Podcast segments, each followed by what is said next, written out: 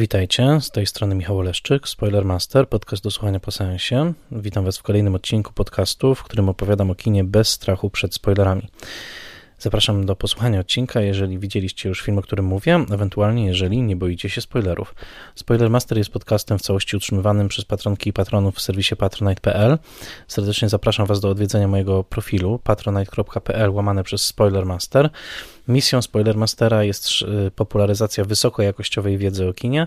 Każdy odcinek powstaje dużym nakładem pracy. Jeżeli zechcecie wesprzeć tę pracę, będę Wam bardzo zobowiązany. Szczególnie dziękuję patronkom i patronom imiennym.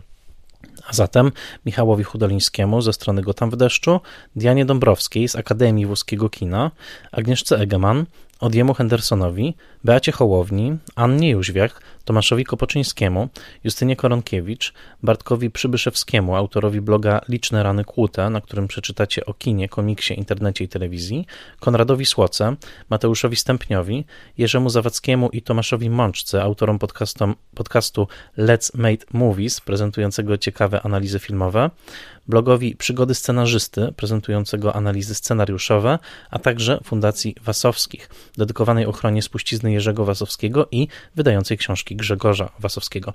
Wszystkim serdecznie dziękuję. Dziękuję także wszystkim, którzy słuchają tego podcastu i zachęcam do zapoznania się z programami wsparcia. Do każdego z nich przypisany jest yy, odpowiedni bonus. Dzisiaj w cyklu Spoiler Master Classic opowiem Wam o bardzo niezwykłym filmie. E, filmie, który trudno przyrównać do jakiegokolwiek innego. Filmie owianym legendą, legendą po części tragiczną. Filmie, który w momencie premiery wydawał się wpadać w odmęty dziejów, powitany raczej negatywnymi recenzjami i złą sławą rozpowszechnioną przez m.in. jego producentów, a właściwie wytwórnię, która za nim stała, ale z latami stał się jednym z najważniejszych filmów historii kina, najczęściej przywoływanych, a także stał się pewnym symbolem artystycznego ducha kina francuskiego. Tym filmem jest Atalanta. Atalanta, La Talente z roku 1934, wyreżyserowana przez Jeana Vigo pozostaje filmem symbolem, filmem fetyszem, filmem, który nosi ze sobą ten y, taki powiew dzieła przeklętego, dzieła okale, okaleczonego, które jednak triumfuje i to już przez kolejną dekadę nad bardzo trudnymi okolicznościami swojego powstania i nad tragicznym faktem, że twórca tego filmu zmarł tuż po jego premierze i nie doczekał nigdy, nie mógł się cieszyć sławą, jaką film e, z latami zdobył. Dzisiaj opowiem Wam o tym filmie i przygotowując się, jak zawsze, podaję źródła, które pomogły mi przygotować się do tego odcinka. Przede wszystkim pomogła mi książka autora Michaela Temple. E, to jest książka pod tytułem Jean Vigo, wydana w serii French Film Directors. Bardzo interesująca, choć bardzo akademicka seria, od razu, e, od razu mówię, w której między innymi pojawiła się także książka o Agnes Wardzie, z której korzystałem parę odcinków temu, kiedy opowiadałem Wam o filmie Cleo od 5 do 7. Poza tym y, korzystałem z wydania Criterion Collection The Complete Jean Vigo z bardzo licznymi dodatkami i także ciekawą książeczką w środku, a także y, książka, która chyba najwięcej przyjemności y, i dużo faktów także mi przyniosła, to książka Mariny Warner pod tytułem La Talente, książka wydana w serii British Film Institute mm, BFI Classics, serii, której fanom tego podcastu nie muszę przedstawiać. E, poza tym korzystałem z anglojęzycznych Wikipedii i ze źródeł internetowych.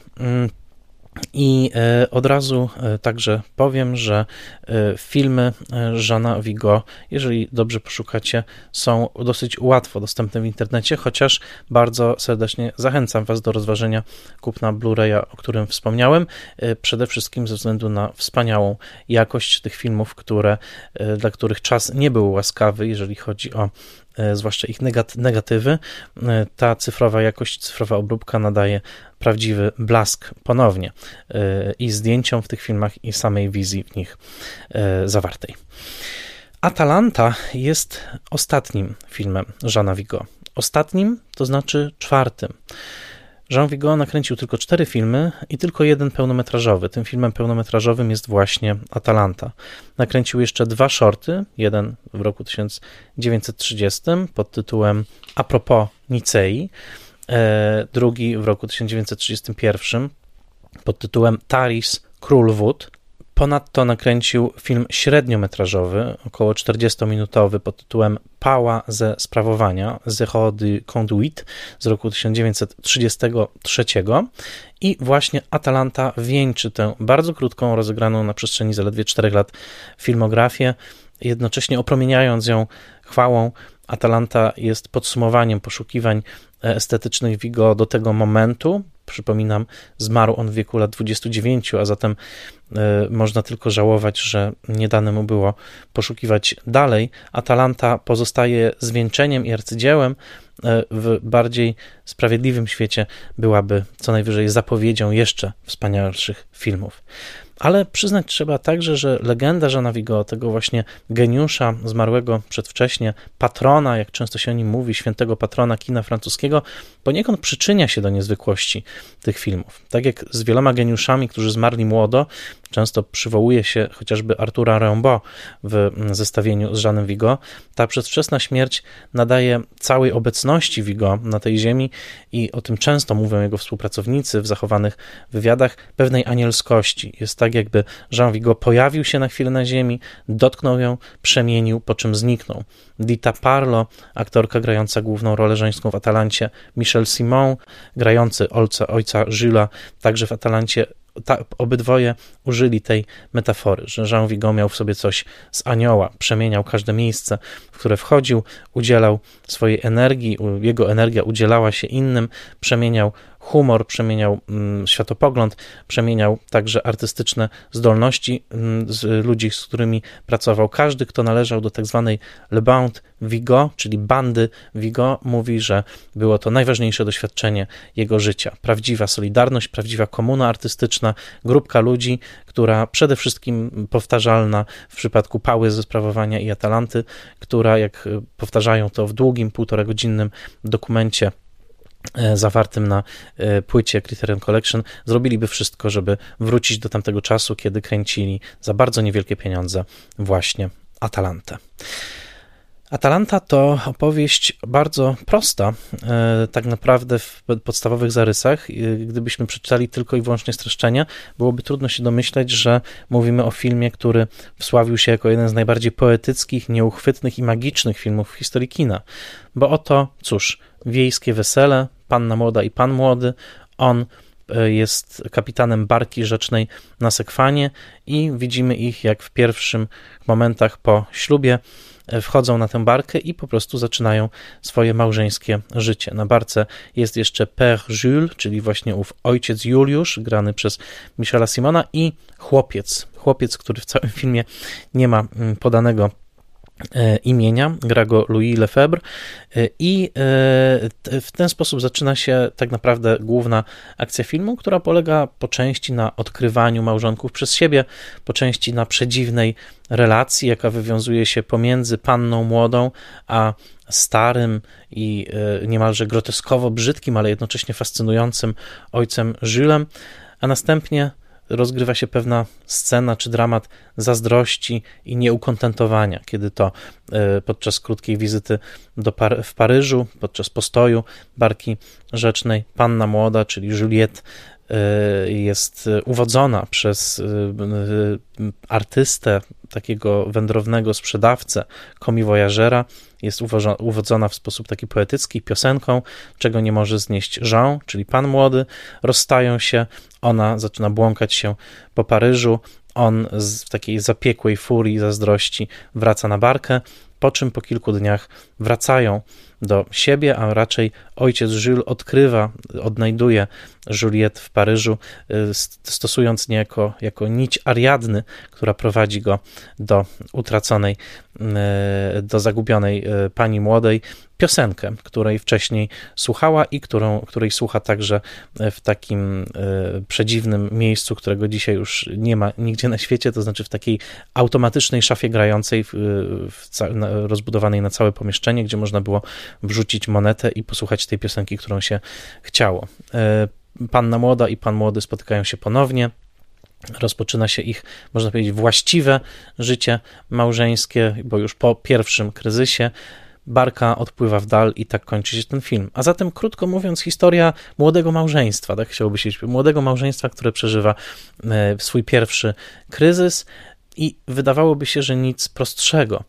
E, sam scenariusz był napisany przez niejakiego Jeana Guigny i był znienawidzony przez samego Vigo, podsunięty mu tak naprawdę przed, przez producentów i zaprzyjaźnionego producenta, mianowicie Jacques'a Luisa Nuneza, który był bardzo ważnym współpracownikiem Vigo, ale tak jak Vigo, tak i Michel Simon, grający rolę ojca Gilles, bardzo tego tekstu nie lubili. Widzieli w nim przede wszystkim pewien wymiar moralizatorski, bo wymowa tekstu Giniego była mniej więcej taka: żono, słuchaj swojego męża. Postać Juliette powracającej na barkę pod koniec była postacią upokorzoną, ukorzoną. To była żona, która dokonała transgresji i obecnie powraca na właściwe tory zachowania, mianowicie owej posłusze, owego posłuszeństwa wobec męża. I co prawda, ostatnie zdanie tego scenariusza, e, właściwie opowiadania, na podstawie którego powstał scenariusz, brzmiało: i od tej pory szczęście opuściło barkę, a zatem było, był tam taki, takie zaznaczenie, że po, tym, po tej krótkiej erotycznej ekstazie, można powiedzieć miesiąca miodowego i po tej pierwszej poważnej kłótni rozpoczyna się szare życie małżeńskie, ufundowane właśnie na owym posłuszeństwie, ale już e, pozbawione elementu magii, pozbawione elementu erotycznej ekscytacji. Vigo uznał, że jest to opowiastka jak ze szkółki niedzielnej, opowiastka e, edukacyjna i postanowił zmienić opowieść. Uczynił to przede wszystkim za pomocą niebywałych obrazów, jakie wykreował ze swoim operatorem Borisem Kaufmanem, ale także za pomocą niezwykłej gry aktorskiej i kreowania mikromomentów, mikromomentów, które są zaskakujące, nieprzewidywalne i które raz obejrzane zostają z widzem na zawsze.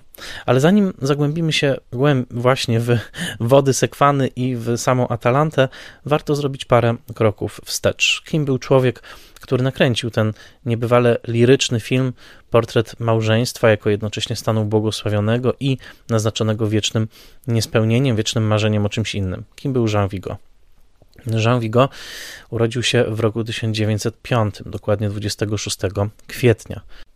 Co najważniejsze w jego biografii i co zgodnie biografowie podkreślają jako formacyjny element, jego ojciec to był Miguel Almereida, bardzo aktywny politycznie anarchista, dziennikarz, e, wywrotowiec, który był bardzo płodnym publicystą, ale który jednocześnie angażował się w działalność terrorystyczną. Pamiętajmy, o jakim czasie mówimy. Europa wrze, jest tuż przed I wojną światową.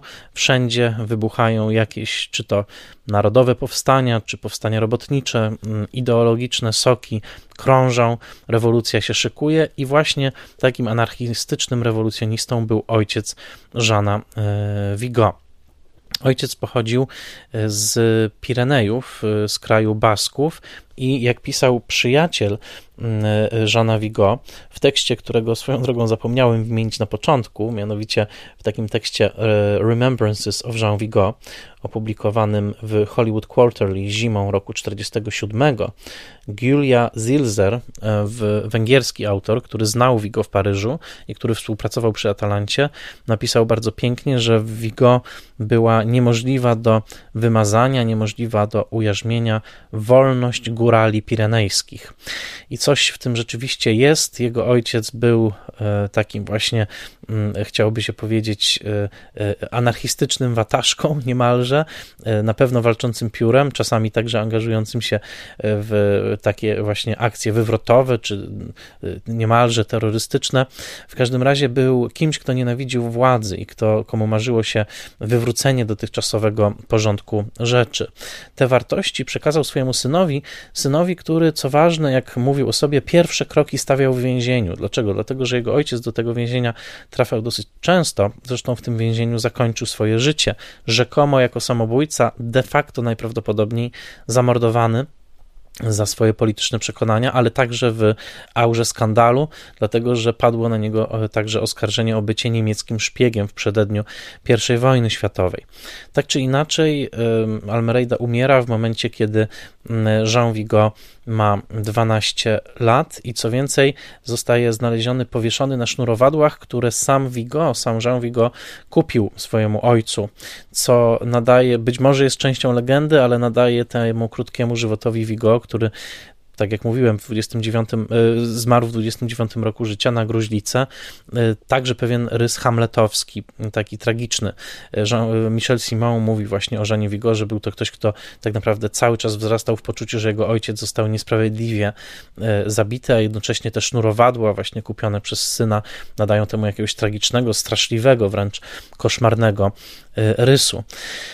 Jean Vigo był przyzwyczajony do ciągłych zmian miejsca zamieszkania, był przyzwyczajony do odwiedzania swojego ojca w więzieniu. Był także przyzwyczajony do przebywania w kręgach anarchistycznych, niebywale wyzwolonych, także pod względem obyczajowym. Był dosłownie pojętym wolnym duchem. Nie dało się go zamknąć w klatce, nie dało się go zamknąć w definicji. Był prawdziwie niekonwencjonalny.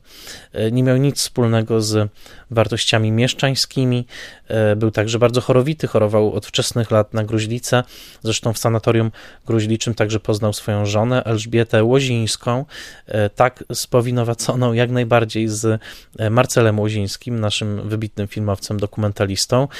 Ona właśnie pochodziła z rodziny Łozińskich, została jego żoną, nazywała się Lidu po francusku, była przepiękna, zalecam wam jej wygooglowanie, jej burza czarnych loków, miłość życia Vigo, i e, to, to, małżeństwo pełne pasji, jednocześnie właśnie połączone artystycznymi zainteresowaniami, także nasyciło lata życia e, Vigo taką niebywałą energią. Można powiedzieć, że Jean Vigo nie miał w sobie niemalże nic z mieszczanina, to znaczy pomimo, że jego rodzina miała pewien wymiar mieszczański, no nie każdego było stać, żeby wysyłać dzieci na, e, do sanatorium gruźliczego, to jednak jego życie było przeniknięte chęcią buntu, chęcią odrzucenia konwencji społecznych i chęcią poszukiwania autentycznych uczuć, autentycznych, zaskakujących mm, y, emocji.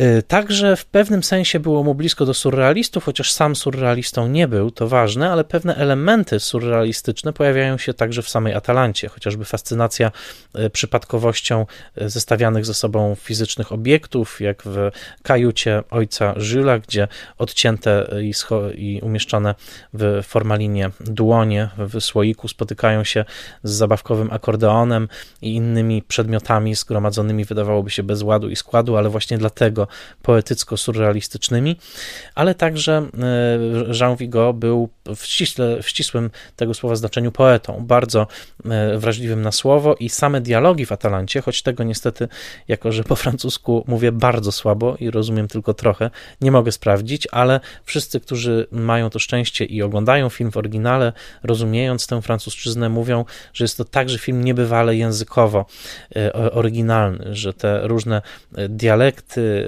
pewne zabawy słowne, zwłaszcza w piosenkach śpiewanych przez owego ulicznego sprzedawcę, że to wszystko jest osobna warstwa przyjemności w tym E, w tym filmie.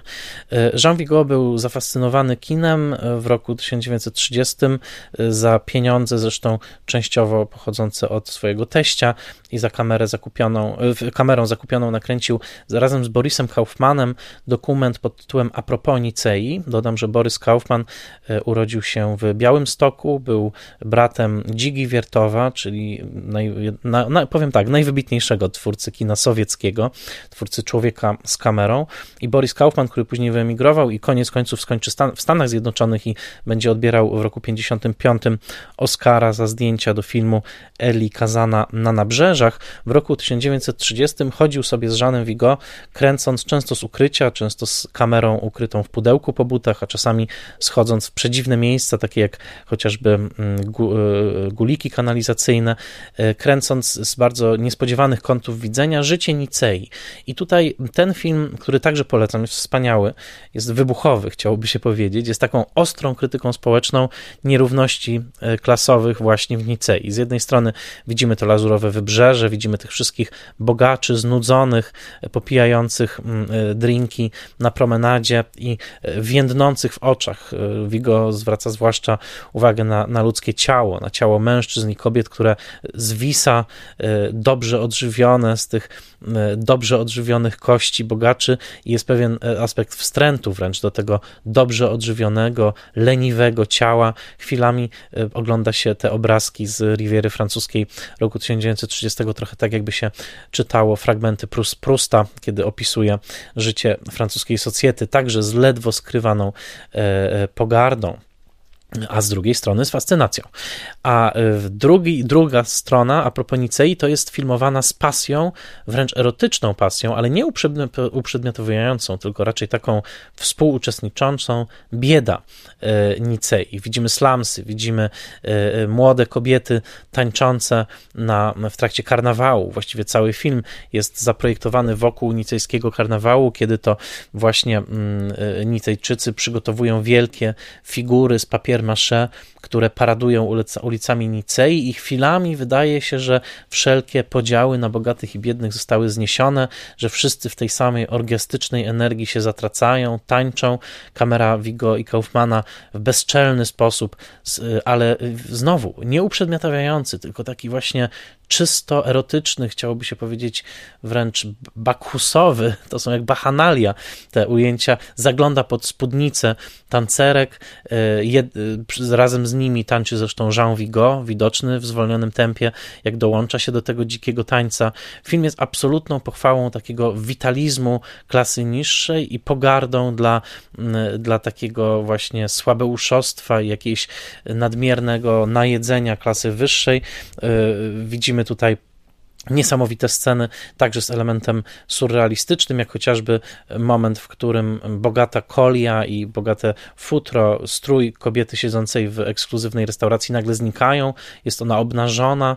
Wydaje się, jakby Vigo mówił, że to wszystko, co macie na sobie, to jest tylko, tylko pewien, pewien pancerz. Tak naprawdę wszyscy jesteśmy tacy sami, wszystkimi nami kieruje natura, cielesność i ta cielesność jest tutaj bardzo mocno wygrana. A propos Nicei, to 20-minutowy film arcydzieło dzieło do dzisiaj e, zaskakujące energią i trochę zawstydzające, powiedziałbym.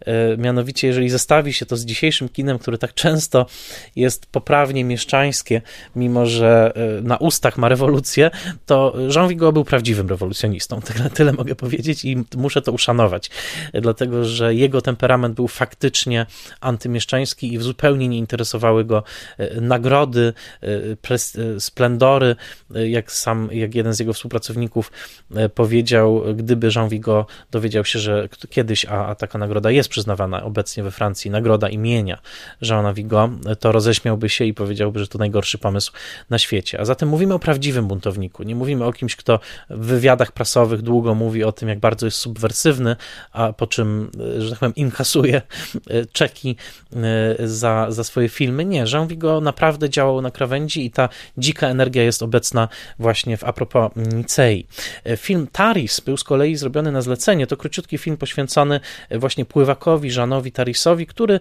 e, prezentuje swoją, swoją krzepę, swoje umiejętności pływackie. Był to film właśnie zrealizowany mm, na potrzeby promocji tej, tej sportowej persony, ale jest nakręcony bardzo pięknie i przede wszystkim widać, jak w tym filmie Jean Vigo bawi się e, kamerą, bawi się odwróconym ruchem, bawi się ruchem spowolnionym, zamienia tak naprawdę ten e, e, pływackie zdolności Tarisa w rodzaj podwodnego baletu, co bardzo ważne w kontekście podwodnej sekwencji, która będzie chyba najsłynniejszą sekwencją Atalanty. 33 rok to pała ze sprawowania i film dosłownie wybuchowy, film zakazany w momencie premiery, nie tylko dlatego, że pada w nim słowo główno, nie tylko dlatego, że przez pewien moment widać w nim obnażonego penisa, ale przede wszystkim dlatego, że pokazuje bunt uczniów w szkole. Sam Jean Vigo znał zjawisko szkoły z internatem, e, zresztą jego ojciec także w nieszczęśliwy sposób bywał umieszczony w młodości w takich szkołach i zarówno w ojcu, jak i w synu szkoły z internatem wywoływały najbardziej gwałtowny sprzeciw. Widzieli w tym taki rodzaj e, e, faszystowskiej wręcz instytucji opartej na upokorzeniu, na przemocy, na, na jak najgorszych instynktach i pomiędzy nauczycielami i uczniami i pomiędzy często samymi uczniami, którzy replikowali te elementy przemocowe.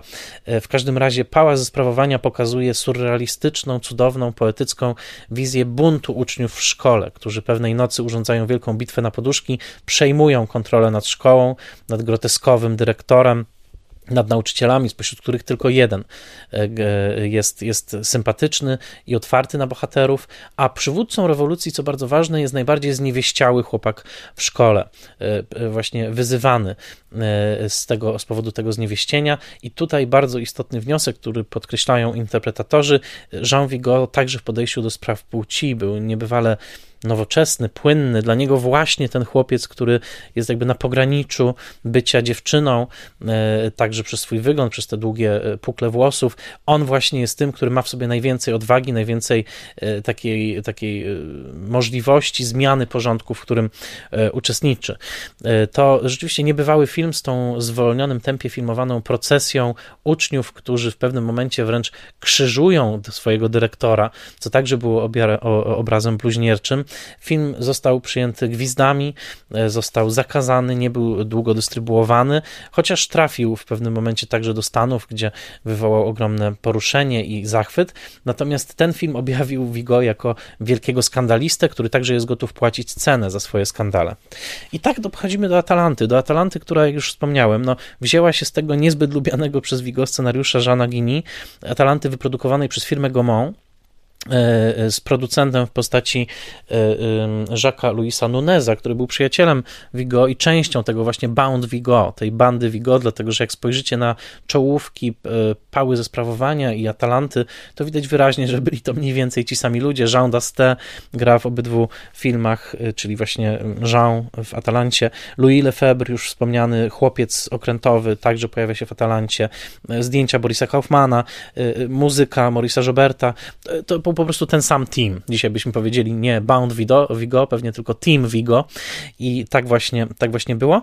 I y, tak jak wspomniałem, Vigo, y, nie lubiąc scenariusza, postanowił go przekształcić i utkał swój poemat. Utkał swój poemat, w którym ogromną rolę odgrywają zdjęcia Borisa Kaufmana. E, barki rzeczne, które przemieszczają się na sekwanie, e, to te, te, te kanały wokół Paryża, wokół których tak naprawdę powstawał Paryż, powstawały poszczególne dzielnice Paryża, e, jest w obiektywie Kaufmana takim cudownym krwiobiegiem skąpanym we mgle, jednocześnie filmowanym z niemalże dokumentalną pieczołowitością, bo na podstawie Atalanty można sobie wyrobić całkiem niezłe zdanie co do tego po prostu, jak wyglądało życie tych, tych rzecznych E, chciałbym powiedzieć wręcz flisaków, e, tych kapitanów e, barek rzecznych, bo to przecież nie były rejsy turystyczne, to były po prostu transport, to był transport towarów, więc widzimy tutaj mnóstwo detali, które między innymi zachwyciły brytyjskiego twórcę Johna Griersona, ojca brytyjskiej szkoły dokumentalnej, który niezwykle Atalantę docenił i promował także później. Także z jednej strony mamy tutaj właśnie owe kanały, po których ślizga się mgła, cudownie filmowane przez, przez Kaufmana,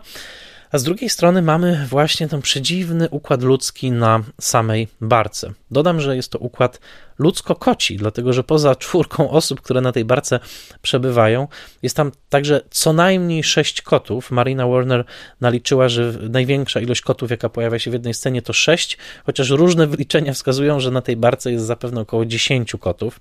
Swoją drogą te koty te były specjalnie zbierane przez przez e, ekipę filmową właśnie po to, żeby, żeby tę barkę, chciałem powiedzieć zaludnić, ale raczej zakocić. I, i, I tak naprawdę pierwszą, jedną trzecią filmu po niezwykłej scenie takiego smutnego wiejskiego wesela, kiedy to para młoda idzie w stronę barki, żegnana przez weselników e, przedziwnie oddalonych od nich o kilkanaście metrów. Otóż pierwsza jedna trzecia tego filmu to jest właśnie te pierwsze kroki życia małżeńskiego.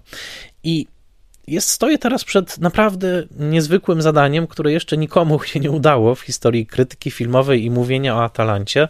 To znaczy, w jaki sposób wyjaśnić magię tego filmu. Jak wyjaśnić, że film, w którym prawie nic się nie dzieje, poza tym, że para młoda trochę się droczy, trochę się kocha, poza tym, że pani młoda spędza troszkę czasu z ojcem Julesem, który trochę się do niej przystawia, a, a trochę traktuje ją po, ojcos, po ojcowsku. Ona wydaje się to trochę prowokować, z drugiej strony to obśmiewa. I, potem właśnie wizyta w Paryżu i to, to zagubienie. Jak wytłumaczyć, że, że ten film oglądany przeze mnie myślę, w moim życiu co najmniej dziesięciokrotnie. Za każdym razem tak, e, tak zachwyca. Posłużę się porównaniem. E, wydaje mi się, że ten film, co zresztą zauważył François Truffaut, który wspaniale mówił o Atalancie jako filmie, który tak naprawdę zainspirował go w ogóle do kręcenia e, jego własnych filmów. Mówił także o Atalancie jako o filmie ze śmierdzącymi stopami i to był komplement. Zwraca uwagę na pewny taki właśnie brud tego filmu, takie bliskość ciała, bliskość życia, ta, ta barka zawalona różnymi e, przedmiotami, z tym ojcem Żylem, z tymi kotami wszędzie. On mówił, że to właśnie film, któremu śmierdzą stopy i to plus. Otóż e, e, e, François Truffaut wskazał także na taki element pewnej ciągłej mm, niespodzianki.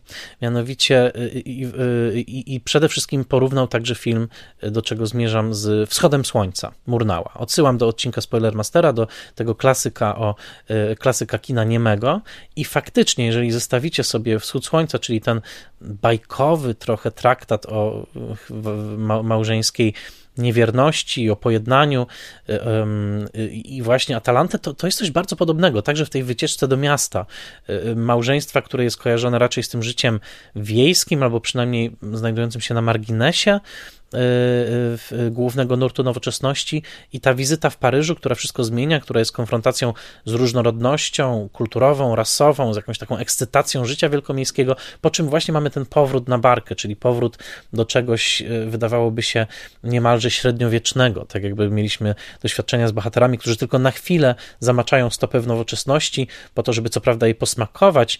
To jest ten jazz w mm, wschodzie słońca, to są właśnie te piosenki popularne paryskie, w Atalancie, ale jednak wracają do tej swojej idylii troszeczkę poza czasem. I to, to porównanie Trifo wydaje mi się jednym z bardziej genialnych sposobów na to, żeby wyjaśnić magię Atalanty, dlatego że faktycznie jest jakieś pokrewieństwo między tymi, między tymi filmami. Jeżeli przypomnicie sobie Wschód Słońca, to także tam było trudno wyeksplikować, dlaczego niektóre sceny robiły takie wrażenie, a jednak tak właśnie było.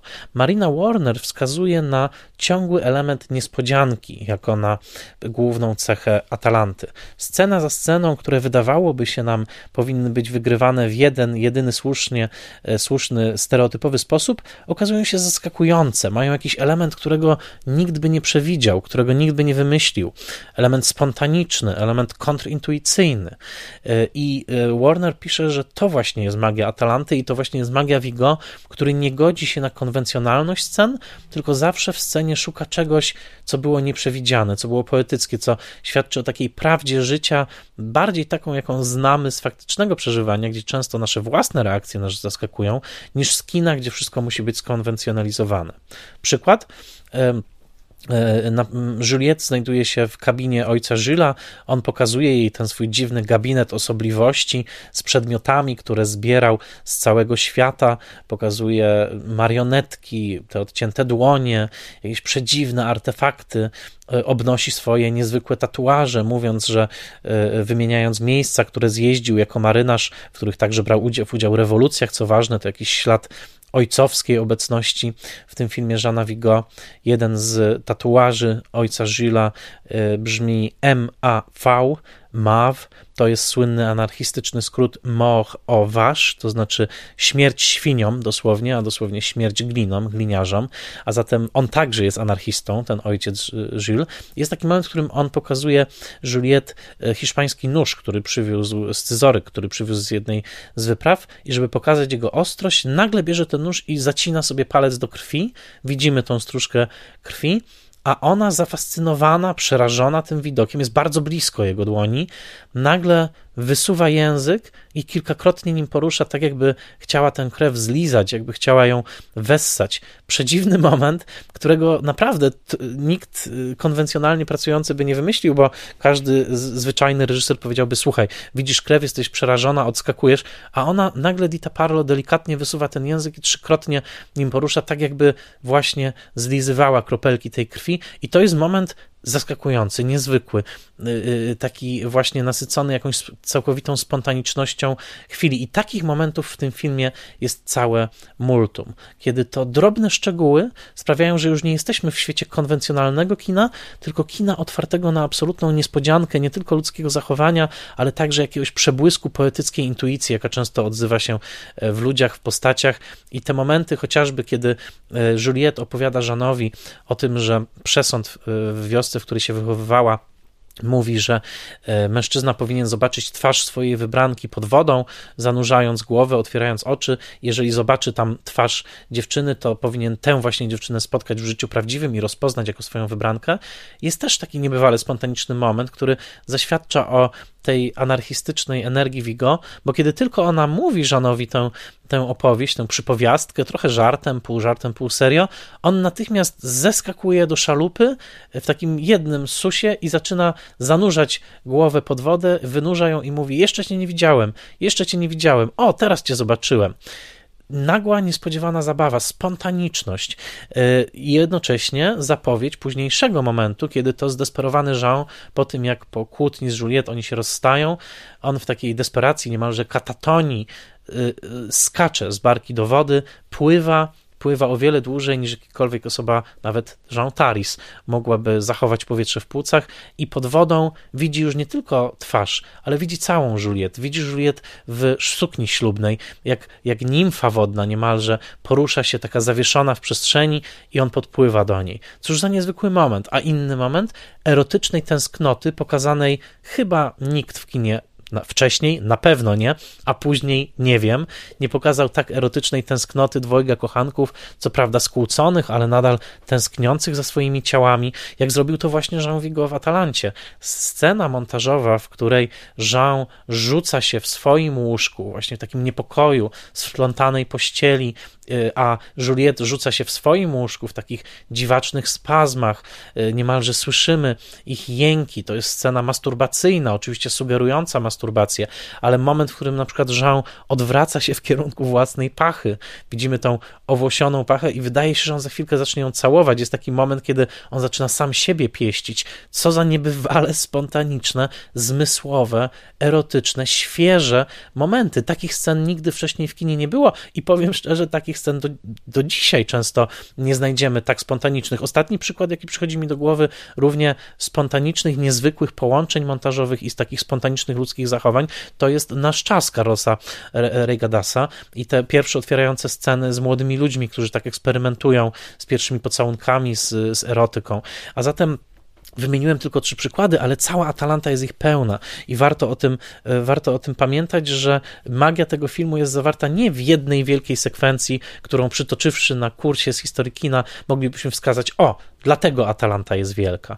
Nie, Atalanta jest wielka dlatego właśnie, że rozbłyskuje w nim rozbyskuje w niej takie ogromne multum momentów, które są nasycone ogromną wrażliwością, poetyckością i ciągłą gotowością na niespodziankę. A jednocześnie na to zwraca uwagę z kolei Richard Porton w tekście z pisma Cineast z roku 91, o czym zapomniałem wspomnieć na początku w bibliografii.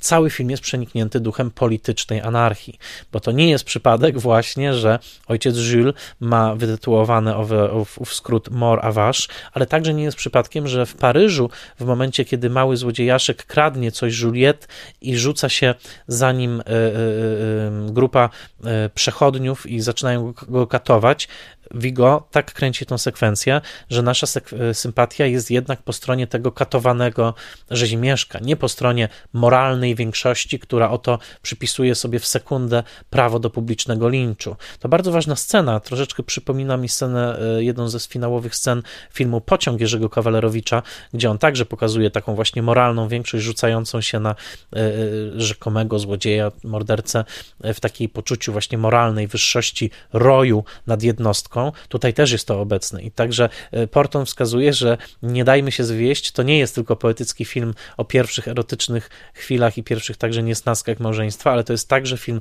o tym, że społeczeństwo dookoła jest głęboko niesprawiedliwe i nie jest przypadkiem, że ojciec Jules, jak mówi, walczył w rewolucjach, a zatem był także rodzajem takiego wojownika o, o, o wolność, o wyzwolenie się przede wszystkim z tych okowów państwa, okowów społeczeństwa, okowów konwencji. A zatem jest jeszcze ten bardzo istotny, mm, e, bardzo istotny element w tym wszystkim.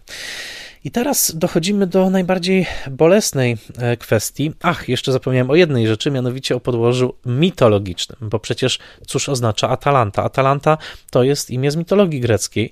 Była to piękna uczestniczka łowów kalidońskich, e, nagrodzona za e, odwagę w tych łowach i za zdolność, za zdolności swoje myśliwskie, ale co ważne, padła ona podstępem niejako, niejakiego Melaniona, który był jej, jej kuzynem. Atalanta była najlepszą biegaczką w zawodach i e, Melanion, chcąc ją pokonać, rozsypał na, na torze wyścigu owoce, e, które tak zaciekawiły Atalantę, że schyliła się, żeby im się przyjrzeć i przez to przegrała wyścig.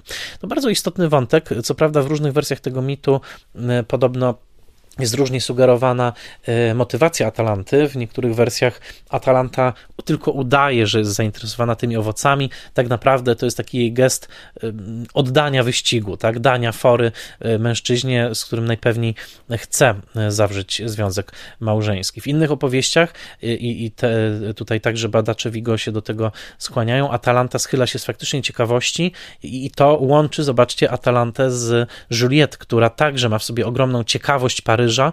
Na początku filmu wsłuchuje się w fale radiowe właśnie dochodzące z Paryża, potem zatraca się w tym Paryżu jako czymś absolutnie cudownym, niezwykłym.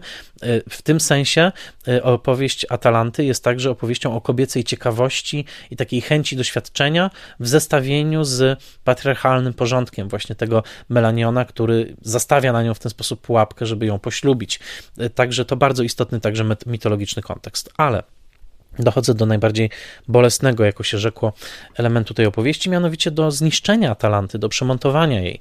Film tak bardzo nie spodobał się e, Gaumont, wytwórni Gaumont, że został wygwizdany także przez kiniarzy, dodajmy, którzy, którzy uznali, że tego filmu w ogóle nie da się wyświetlić, e, że został natychmiast przemontowany, powstała wersja pod tytułem Płynąca barka z dodaną piosenką e, Le Chalon qui która była takim banalnym hitem tamtego, tamtego czasu. No i niestety film zaczął krążyć właśnie w tej wersji, o czym Jean Vigo wiedział e, jeszcze. E, wiedział, że jego film został okaleczony i umierał 5 października roku 1934. Mm, przypomnę, że premiera Atalanty w tej okaleczonej wersji to był 12 e, września 1934, a zatem on wiedział, że ta wersja skrócona o prawie 20 minut, przemontowana z ową piosenką, że to ona właśnie jest tą wersją, którą ludzie oglądają. Było to dla niego bardzo bolesne. Już po śmierci Vigo Śmierci, dodajmy, zawinionej w dużej mierze także przez fakt, że Vigo pracował w trudnych warunkach rzecznych w zimowych miesiącach nad Atalantą ze swoją gruźlicą, co właśnie doprowadziło do, e, do, do tej śmierci. E, zaczęła krążyć także wersja bliska zamierzeniom oryginału. To była wersja, która trafiła do Brytyjskiego Instytutu Filmowego w, e, jeszcze w latach 30. E, i ona właściwie dzięki jej istnieniu później, w roku 1990, dopiero wtedy udało się zrekonstruować wersję którą można nazwać kompletną. Później w roku 2001, i to jest wersja, którą możemy oglądać na dyskach Artificial Eye, ale także na Criterion Collection, y, y, pod takim przewodnictwem y, córki Vigo, mianowicie Y, Lustwigo, a także mm, historyka filmu Bernarda Eisenschitza, y, jeszcze zostały wprowadzone drobne korekty do tej wersji z roku 90. Oni nie byli z niej zadowoleni i to, co w 2001 roku jest taką najbliższą kompletności wersją Atalanty. No, jakkolwiek trzeba pamiętać, że ten bardzo okaleczony film, którego droga do kompletności zajęła kilka dekad, y, że on nie jest, nigdy już nie będzie dokładnie tym filmem, który zamierzył Vigo. Tam są drobne różnice, drobne wybory, których musieli dokonać rekonstruktorzy. Jeżeli chcecie zobaczyć fascynujący materiał, ponad 40-minutowy, z rozmaitymi wyimkami scenami usuniętymi albo niewłączonymi do tej wersji, albo scenami alternatywnymi wobec tych, które znamy z wersji ostatecznej. Bardzo Wam polecam znowuż na tym dysku Criterionu jest dokument pod tytułem Le Voyage de. To jest y, podróże Atalanty, dokument, w którym właśnie y, Bernard Eisenschitz przedstawia dokładnie i wyjaśnia, które sceny zostały wybrane i dlaczego, żeby nadać spójność całości. A zatem to jest jeszcze ta cecha Atalanty, że ona jest na tyle efemeryczna, że nawet sam twórca jej nie dokończył, tylko trochę tak jak pasażerka, chociaż zupełnie jednak inaczej, bo, e, e, bo tam już twórca nie brał udziału w montażu. Andrzeja Munka został ten film ukończony. I jest coś niesamowitego, że e, w tym, że co prawda przez moment zapomniany, ten film tak szybko zaczął się wyłaniać ponownie i już w latach 40. pisano o nim jako o arcydziele. W roku 1947, dokładnie 12 lipca, na łamach pisma The Nation, jeden z ojców założycieli amerykańskiej krytyki filmowej, James A.G., pisał z niebywałym entuzjazmem o pale ze sprawowania, która podobała mu się bardziej niż Atalanta. I o samej Atalancie. Posłuchajcie tego fragmentu, y, który przetłumaczyłem. Y, od czasu do czasu następują w Atalancie rozbłyski na poły szalonej, przedziwnie majestatycznej poezji Żana Vigo. Weselny korowód podążający z kościoła na barkę rzeczną, który otwiera film, jest niebywałą sekwencją, smętną, żałosną, okrutnie zabawną i lodowato ponurą jednocześnie. Dita Parlo, panna młoda, dodajmy urodzona w Szczecinie. Ona w Szczecinie, Kaufman Białystoku. Jesteśmy obecni jako Europa Środkowa, chociaż oczywiście Szczecin był wtedy niemiecki. Jest najpełniejszym bodaj wcieleniem e, nieuświadomionego erotyzmu, jaki widziałem na ekranie. Z kolei Grajek, z którym flirtuje ona w dalszej części filmu, łączy w sobie ze zdumiewającą spójnością slapstick i urok Ariela recydywisty. Wreszcie Michel Simon, swoją drogą szwajcarski aktor, który dwa lata wcześniej wystąpił w cudownym filmie Budu zwód, zwód uratowany. Wreszcie Michel Simon, jako starzec balansujący na granicy rozumu, jawi się jako w pełni ukształtowana figura poetycka, dwudziestowieczny Kaliban. Te odniesienia szekspirowskie do burzy wydają mi się bardzo trafione u Jamesa Agee'ego. Vigo, kręcąc Atalantę, był reżyserem bardziej doświadczonym i film ewidentnie nosi ślady tej samej wielkości, którą obserwujemy w pale ze sprawowania. Ale przy całej swojej wysokiej jakości Atalanta przypomina szaleńca odzianego w kaftan bezpieczeństwa, w konwencjonalną fabułę, podczas gdy w pale ze sprawowania ten sam wariat nie tylko cieszył się pełną swobodą ruchów, ale okazywał się koniec końców zagrożeniem wyłącznie dla tych elementów naszego świata, które najbardziej zasługują na całkowite zniszczenie. Tak pisał James Agee na łamach The Nation 12 lipca 1947 roku i wtedy już, e, między innymi dokładnie w tym samym czasie w Hollywood Quarterly, Gyula Zilzer dzielił się swoimi wspomnieniami o Żanie Vigo i wtedy już mocno był ufundowany mit Żana Vigo jako właśnie tego twórcy przeklętego, twórcy cudownego i e, reputacja Atalanta Mimo że zagrożona w momencie premiery przez tą straszliwą wersję skróconą, jednak z latami tylko rosła. Film regularnie pojawiał się na liście nie tylko 100, ale często na liście 10 najlepszych filmów nakręconych w dziejach kina. Do dzisiaj zdjęcia Borysa Kaufmana emanują niebywałą świetlistością. Jest tak trochę jakby te refleksy świetlne sekwany, oczu Dity Parlo i tych niebywałych y, chmur mgły, które ciągle przemieszczają się gdzieś w tle, skąpały cały ten film i nadały mu jakiś zupełnie niezwykły, e, wręcz metafizyczny chwilami wydawałoby się e, wymiar. Na pewno warto jeszcze wspomnieć, że Jean Vigo okazał się mistrzem dla wielu późniejszych twórców i takim nieoficjalnym ojcem chrzestnym pewnych tytułów. E, często mówi się o nagrodzonym Złotą Palmą w Cannes filmie Lindsaya Andersona Jeżeli, If z roku 1968, jako o rodzaju remake'u wręcz Pały ze sprawowania ten film o buncie w szkole z internatem bryty w brytyjskiej szkole bardzo dużo zawdzięcza Vigo. E, w kinie francuskim zwłaszcza dwa tytuły. Ostatnie tango w Paryżu e, Bernardo Bertolucciego ma, zawiera bezpośrednie nawiązanie, hołd dla Atalanty w scenie, w której Jean-Pierre Leo e, wrzuca do kanału w sekwanie koło ratunkowe z napisem La Talente, a także piękny film Leosa Caraxa pod tytułem Kochankowie z Pont Neuf zawiera spektakularne nawiązanie właśnie do Atalanty. A zatem warto pamiętać, że Vigo y, miał także swoich naśladowców, uczniów i filmowców, którzy wprost y, nawiązywali do jego obrazów. Jednym z nich także był Emil Kusturica. Jeżeli przypomnicie sobie sceny z panną młodą zawieszoną nad ulicami E, miasta w e, underground, to także i, i także sceny podwodne, przypominam, to także jest wielki hołd dla Żana Vigo. To jest Atalanta, film, z którym naprawdę warto się spotkać, film, z którego legendą warto się spotkać. Jak Wspomniał Michael Almereida, amerykański twórca, który przyjął swój, swój pseudonim od ojca Żana Vigo, właśnie od Almereidy. E, napisał w książeczce dołączonej do wydania Kryteriona, że no cóż, filmy Żana Vigo, całą jego filmografię można zobaczyć w jedno popołudnie, dlatego że w zasadzie jest to dwie godziny z hakiem i mamy Żana Vigo obejrzanego, ale y, nie da się tych filmów zapomnieć i zawsze się będzie do nich wracać. Spojrzenie Dity Parlo, spojrzenie Jeana Daste, ten niebywały, pokraczny Michel Simon, który jednocześnie ma w sobie jakieś niebywałe piękno i niebywałą brzydotę. Barka rzeczna, te koty, zaskakujące momenty i erotycznej czułości, i slapsticku, i po prostu zachwytu czystym pięknem tego, co kamera Vigo widzi. To wszystko tworzy tą niebywałą teksturę, tą tkaninę e, filmu Atalanta, który naprawdę, jak napisała Pauline Kael w innym miejscu, rośnie w naszym własnym umyśle. Czasami może się wydawać, że ta Atalanta w naszej głowie jest nawet lepsza niż ta Atalanta, którą widzimy na ekranie. Tylko, że potem oglądamy Atalantę ponownie i myślimy sobie, nie no, ten film jednak jest rzeczywiście arcydziełem. Polecam Wam spotkanie z Żanem Vigo, polecam Wam spotkanie z tym niezwykłym twórcą, e, wolnym duchem i z filmem Atalanta. Mam nadzieję, że ta opowieść Was zainteresowała i oczywiście, jak zawsze, zachęcam Was do śledzenia na Facebooku, do zerknięcia na mój patronajtowy profil www.patronite.pl łamane przez Spoilermaster. Zapoznajcie się z bonusami.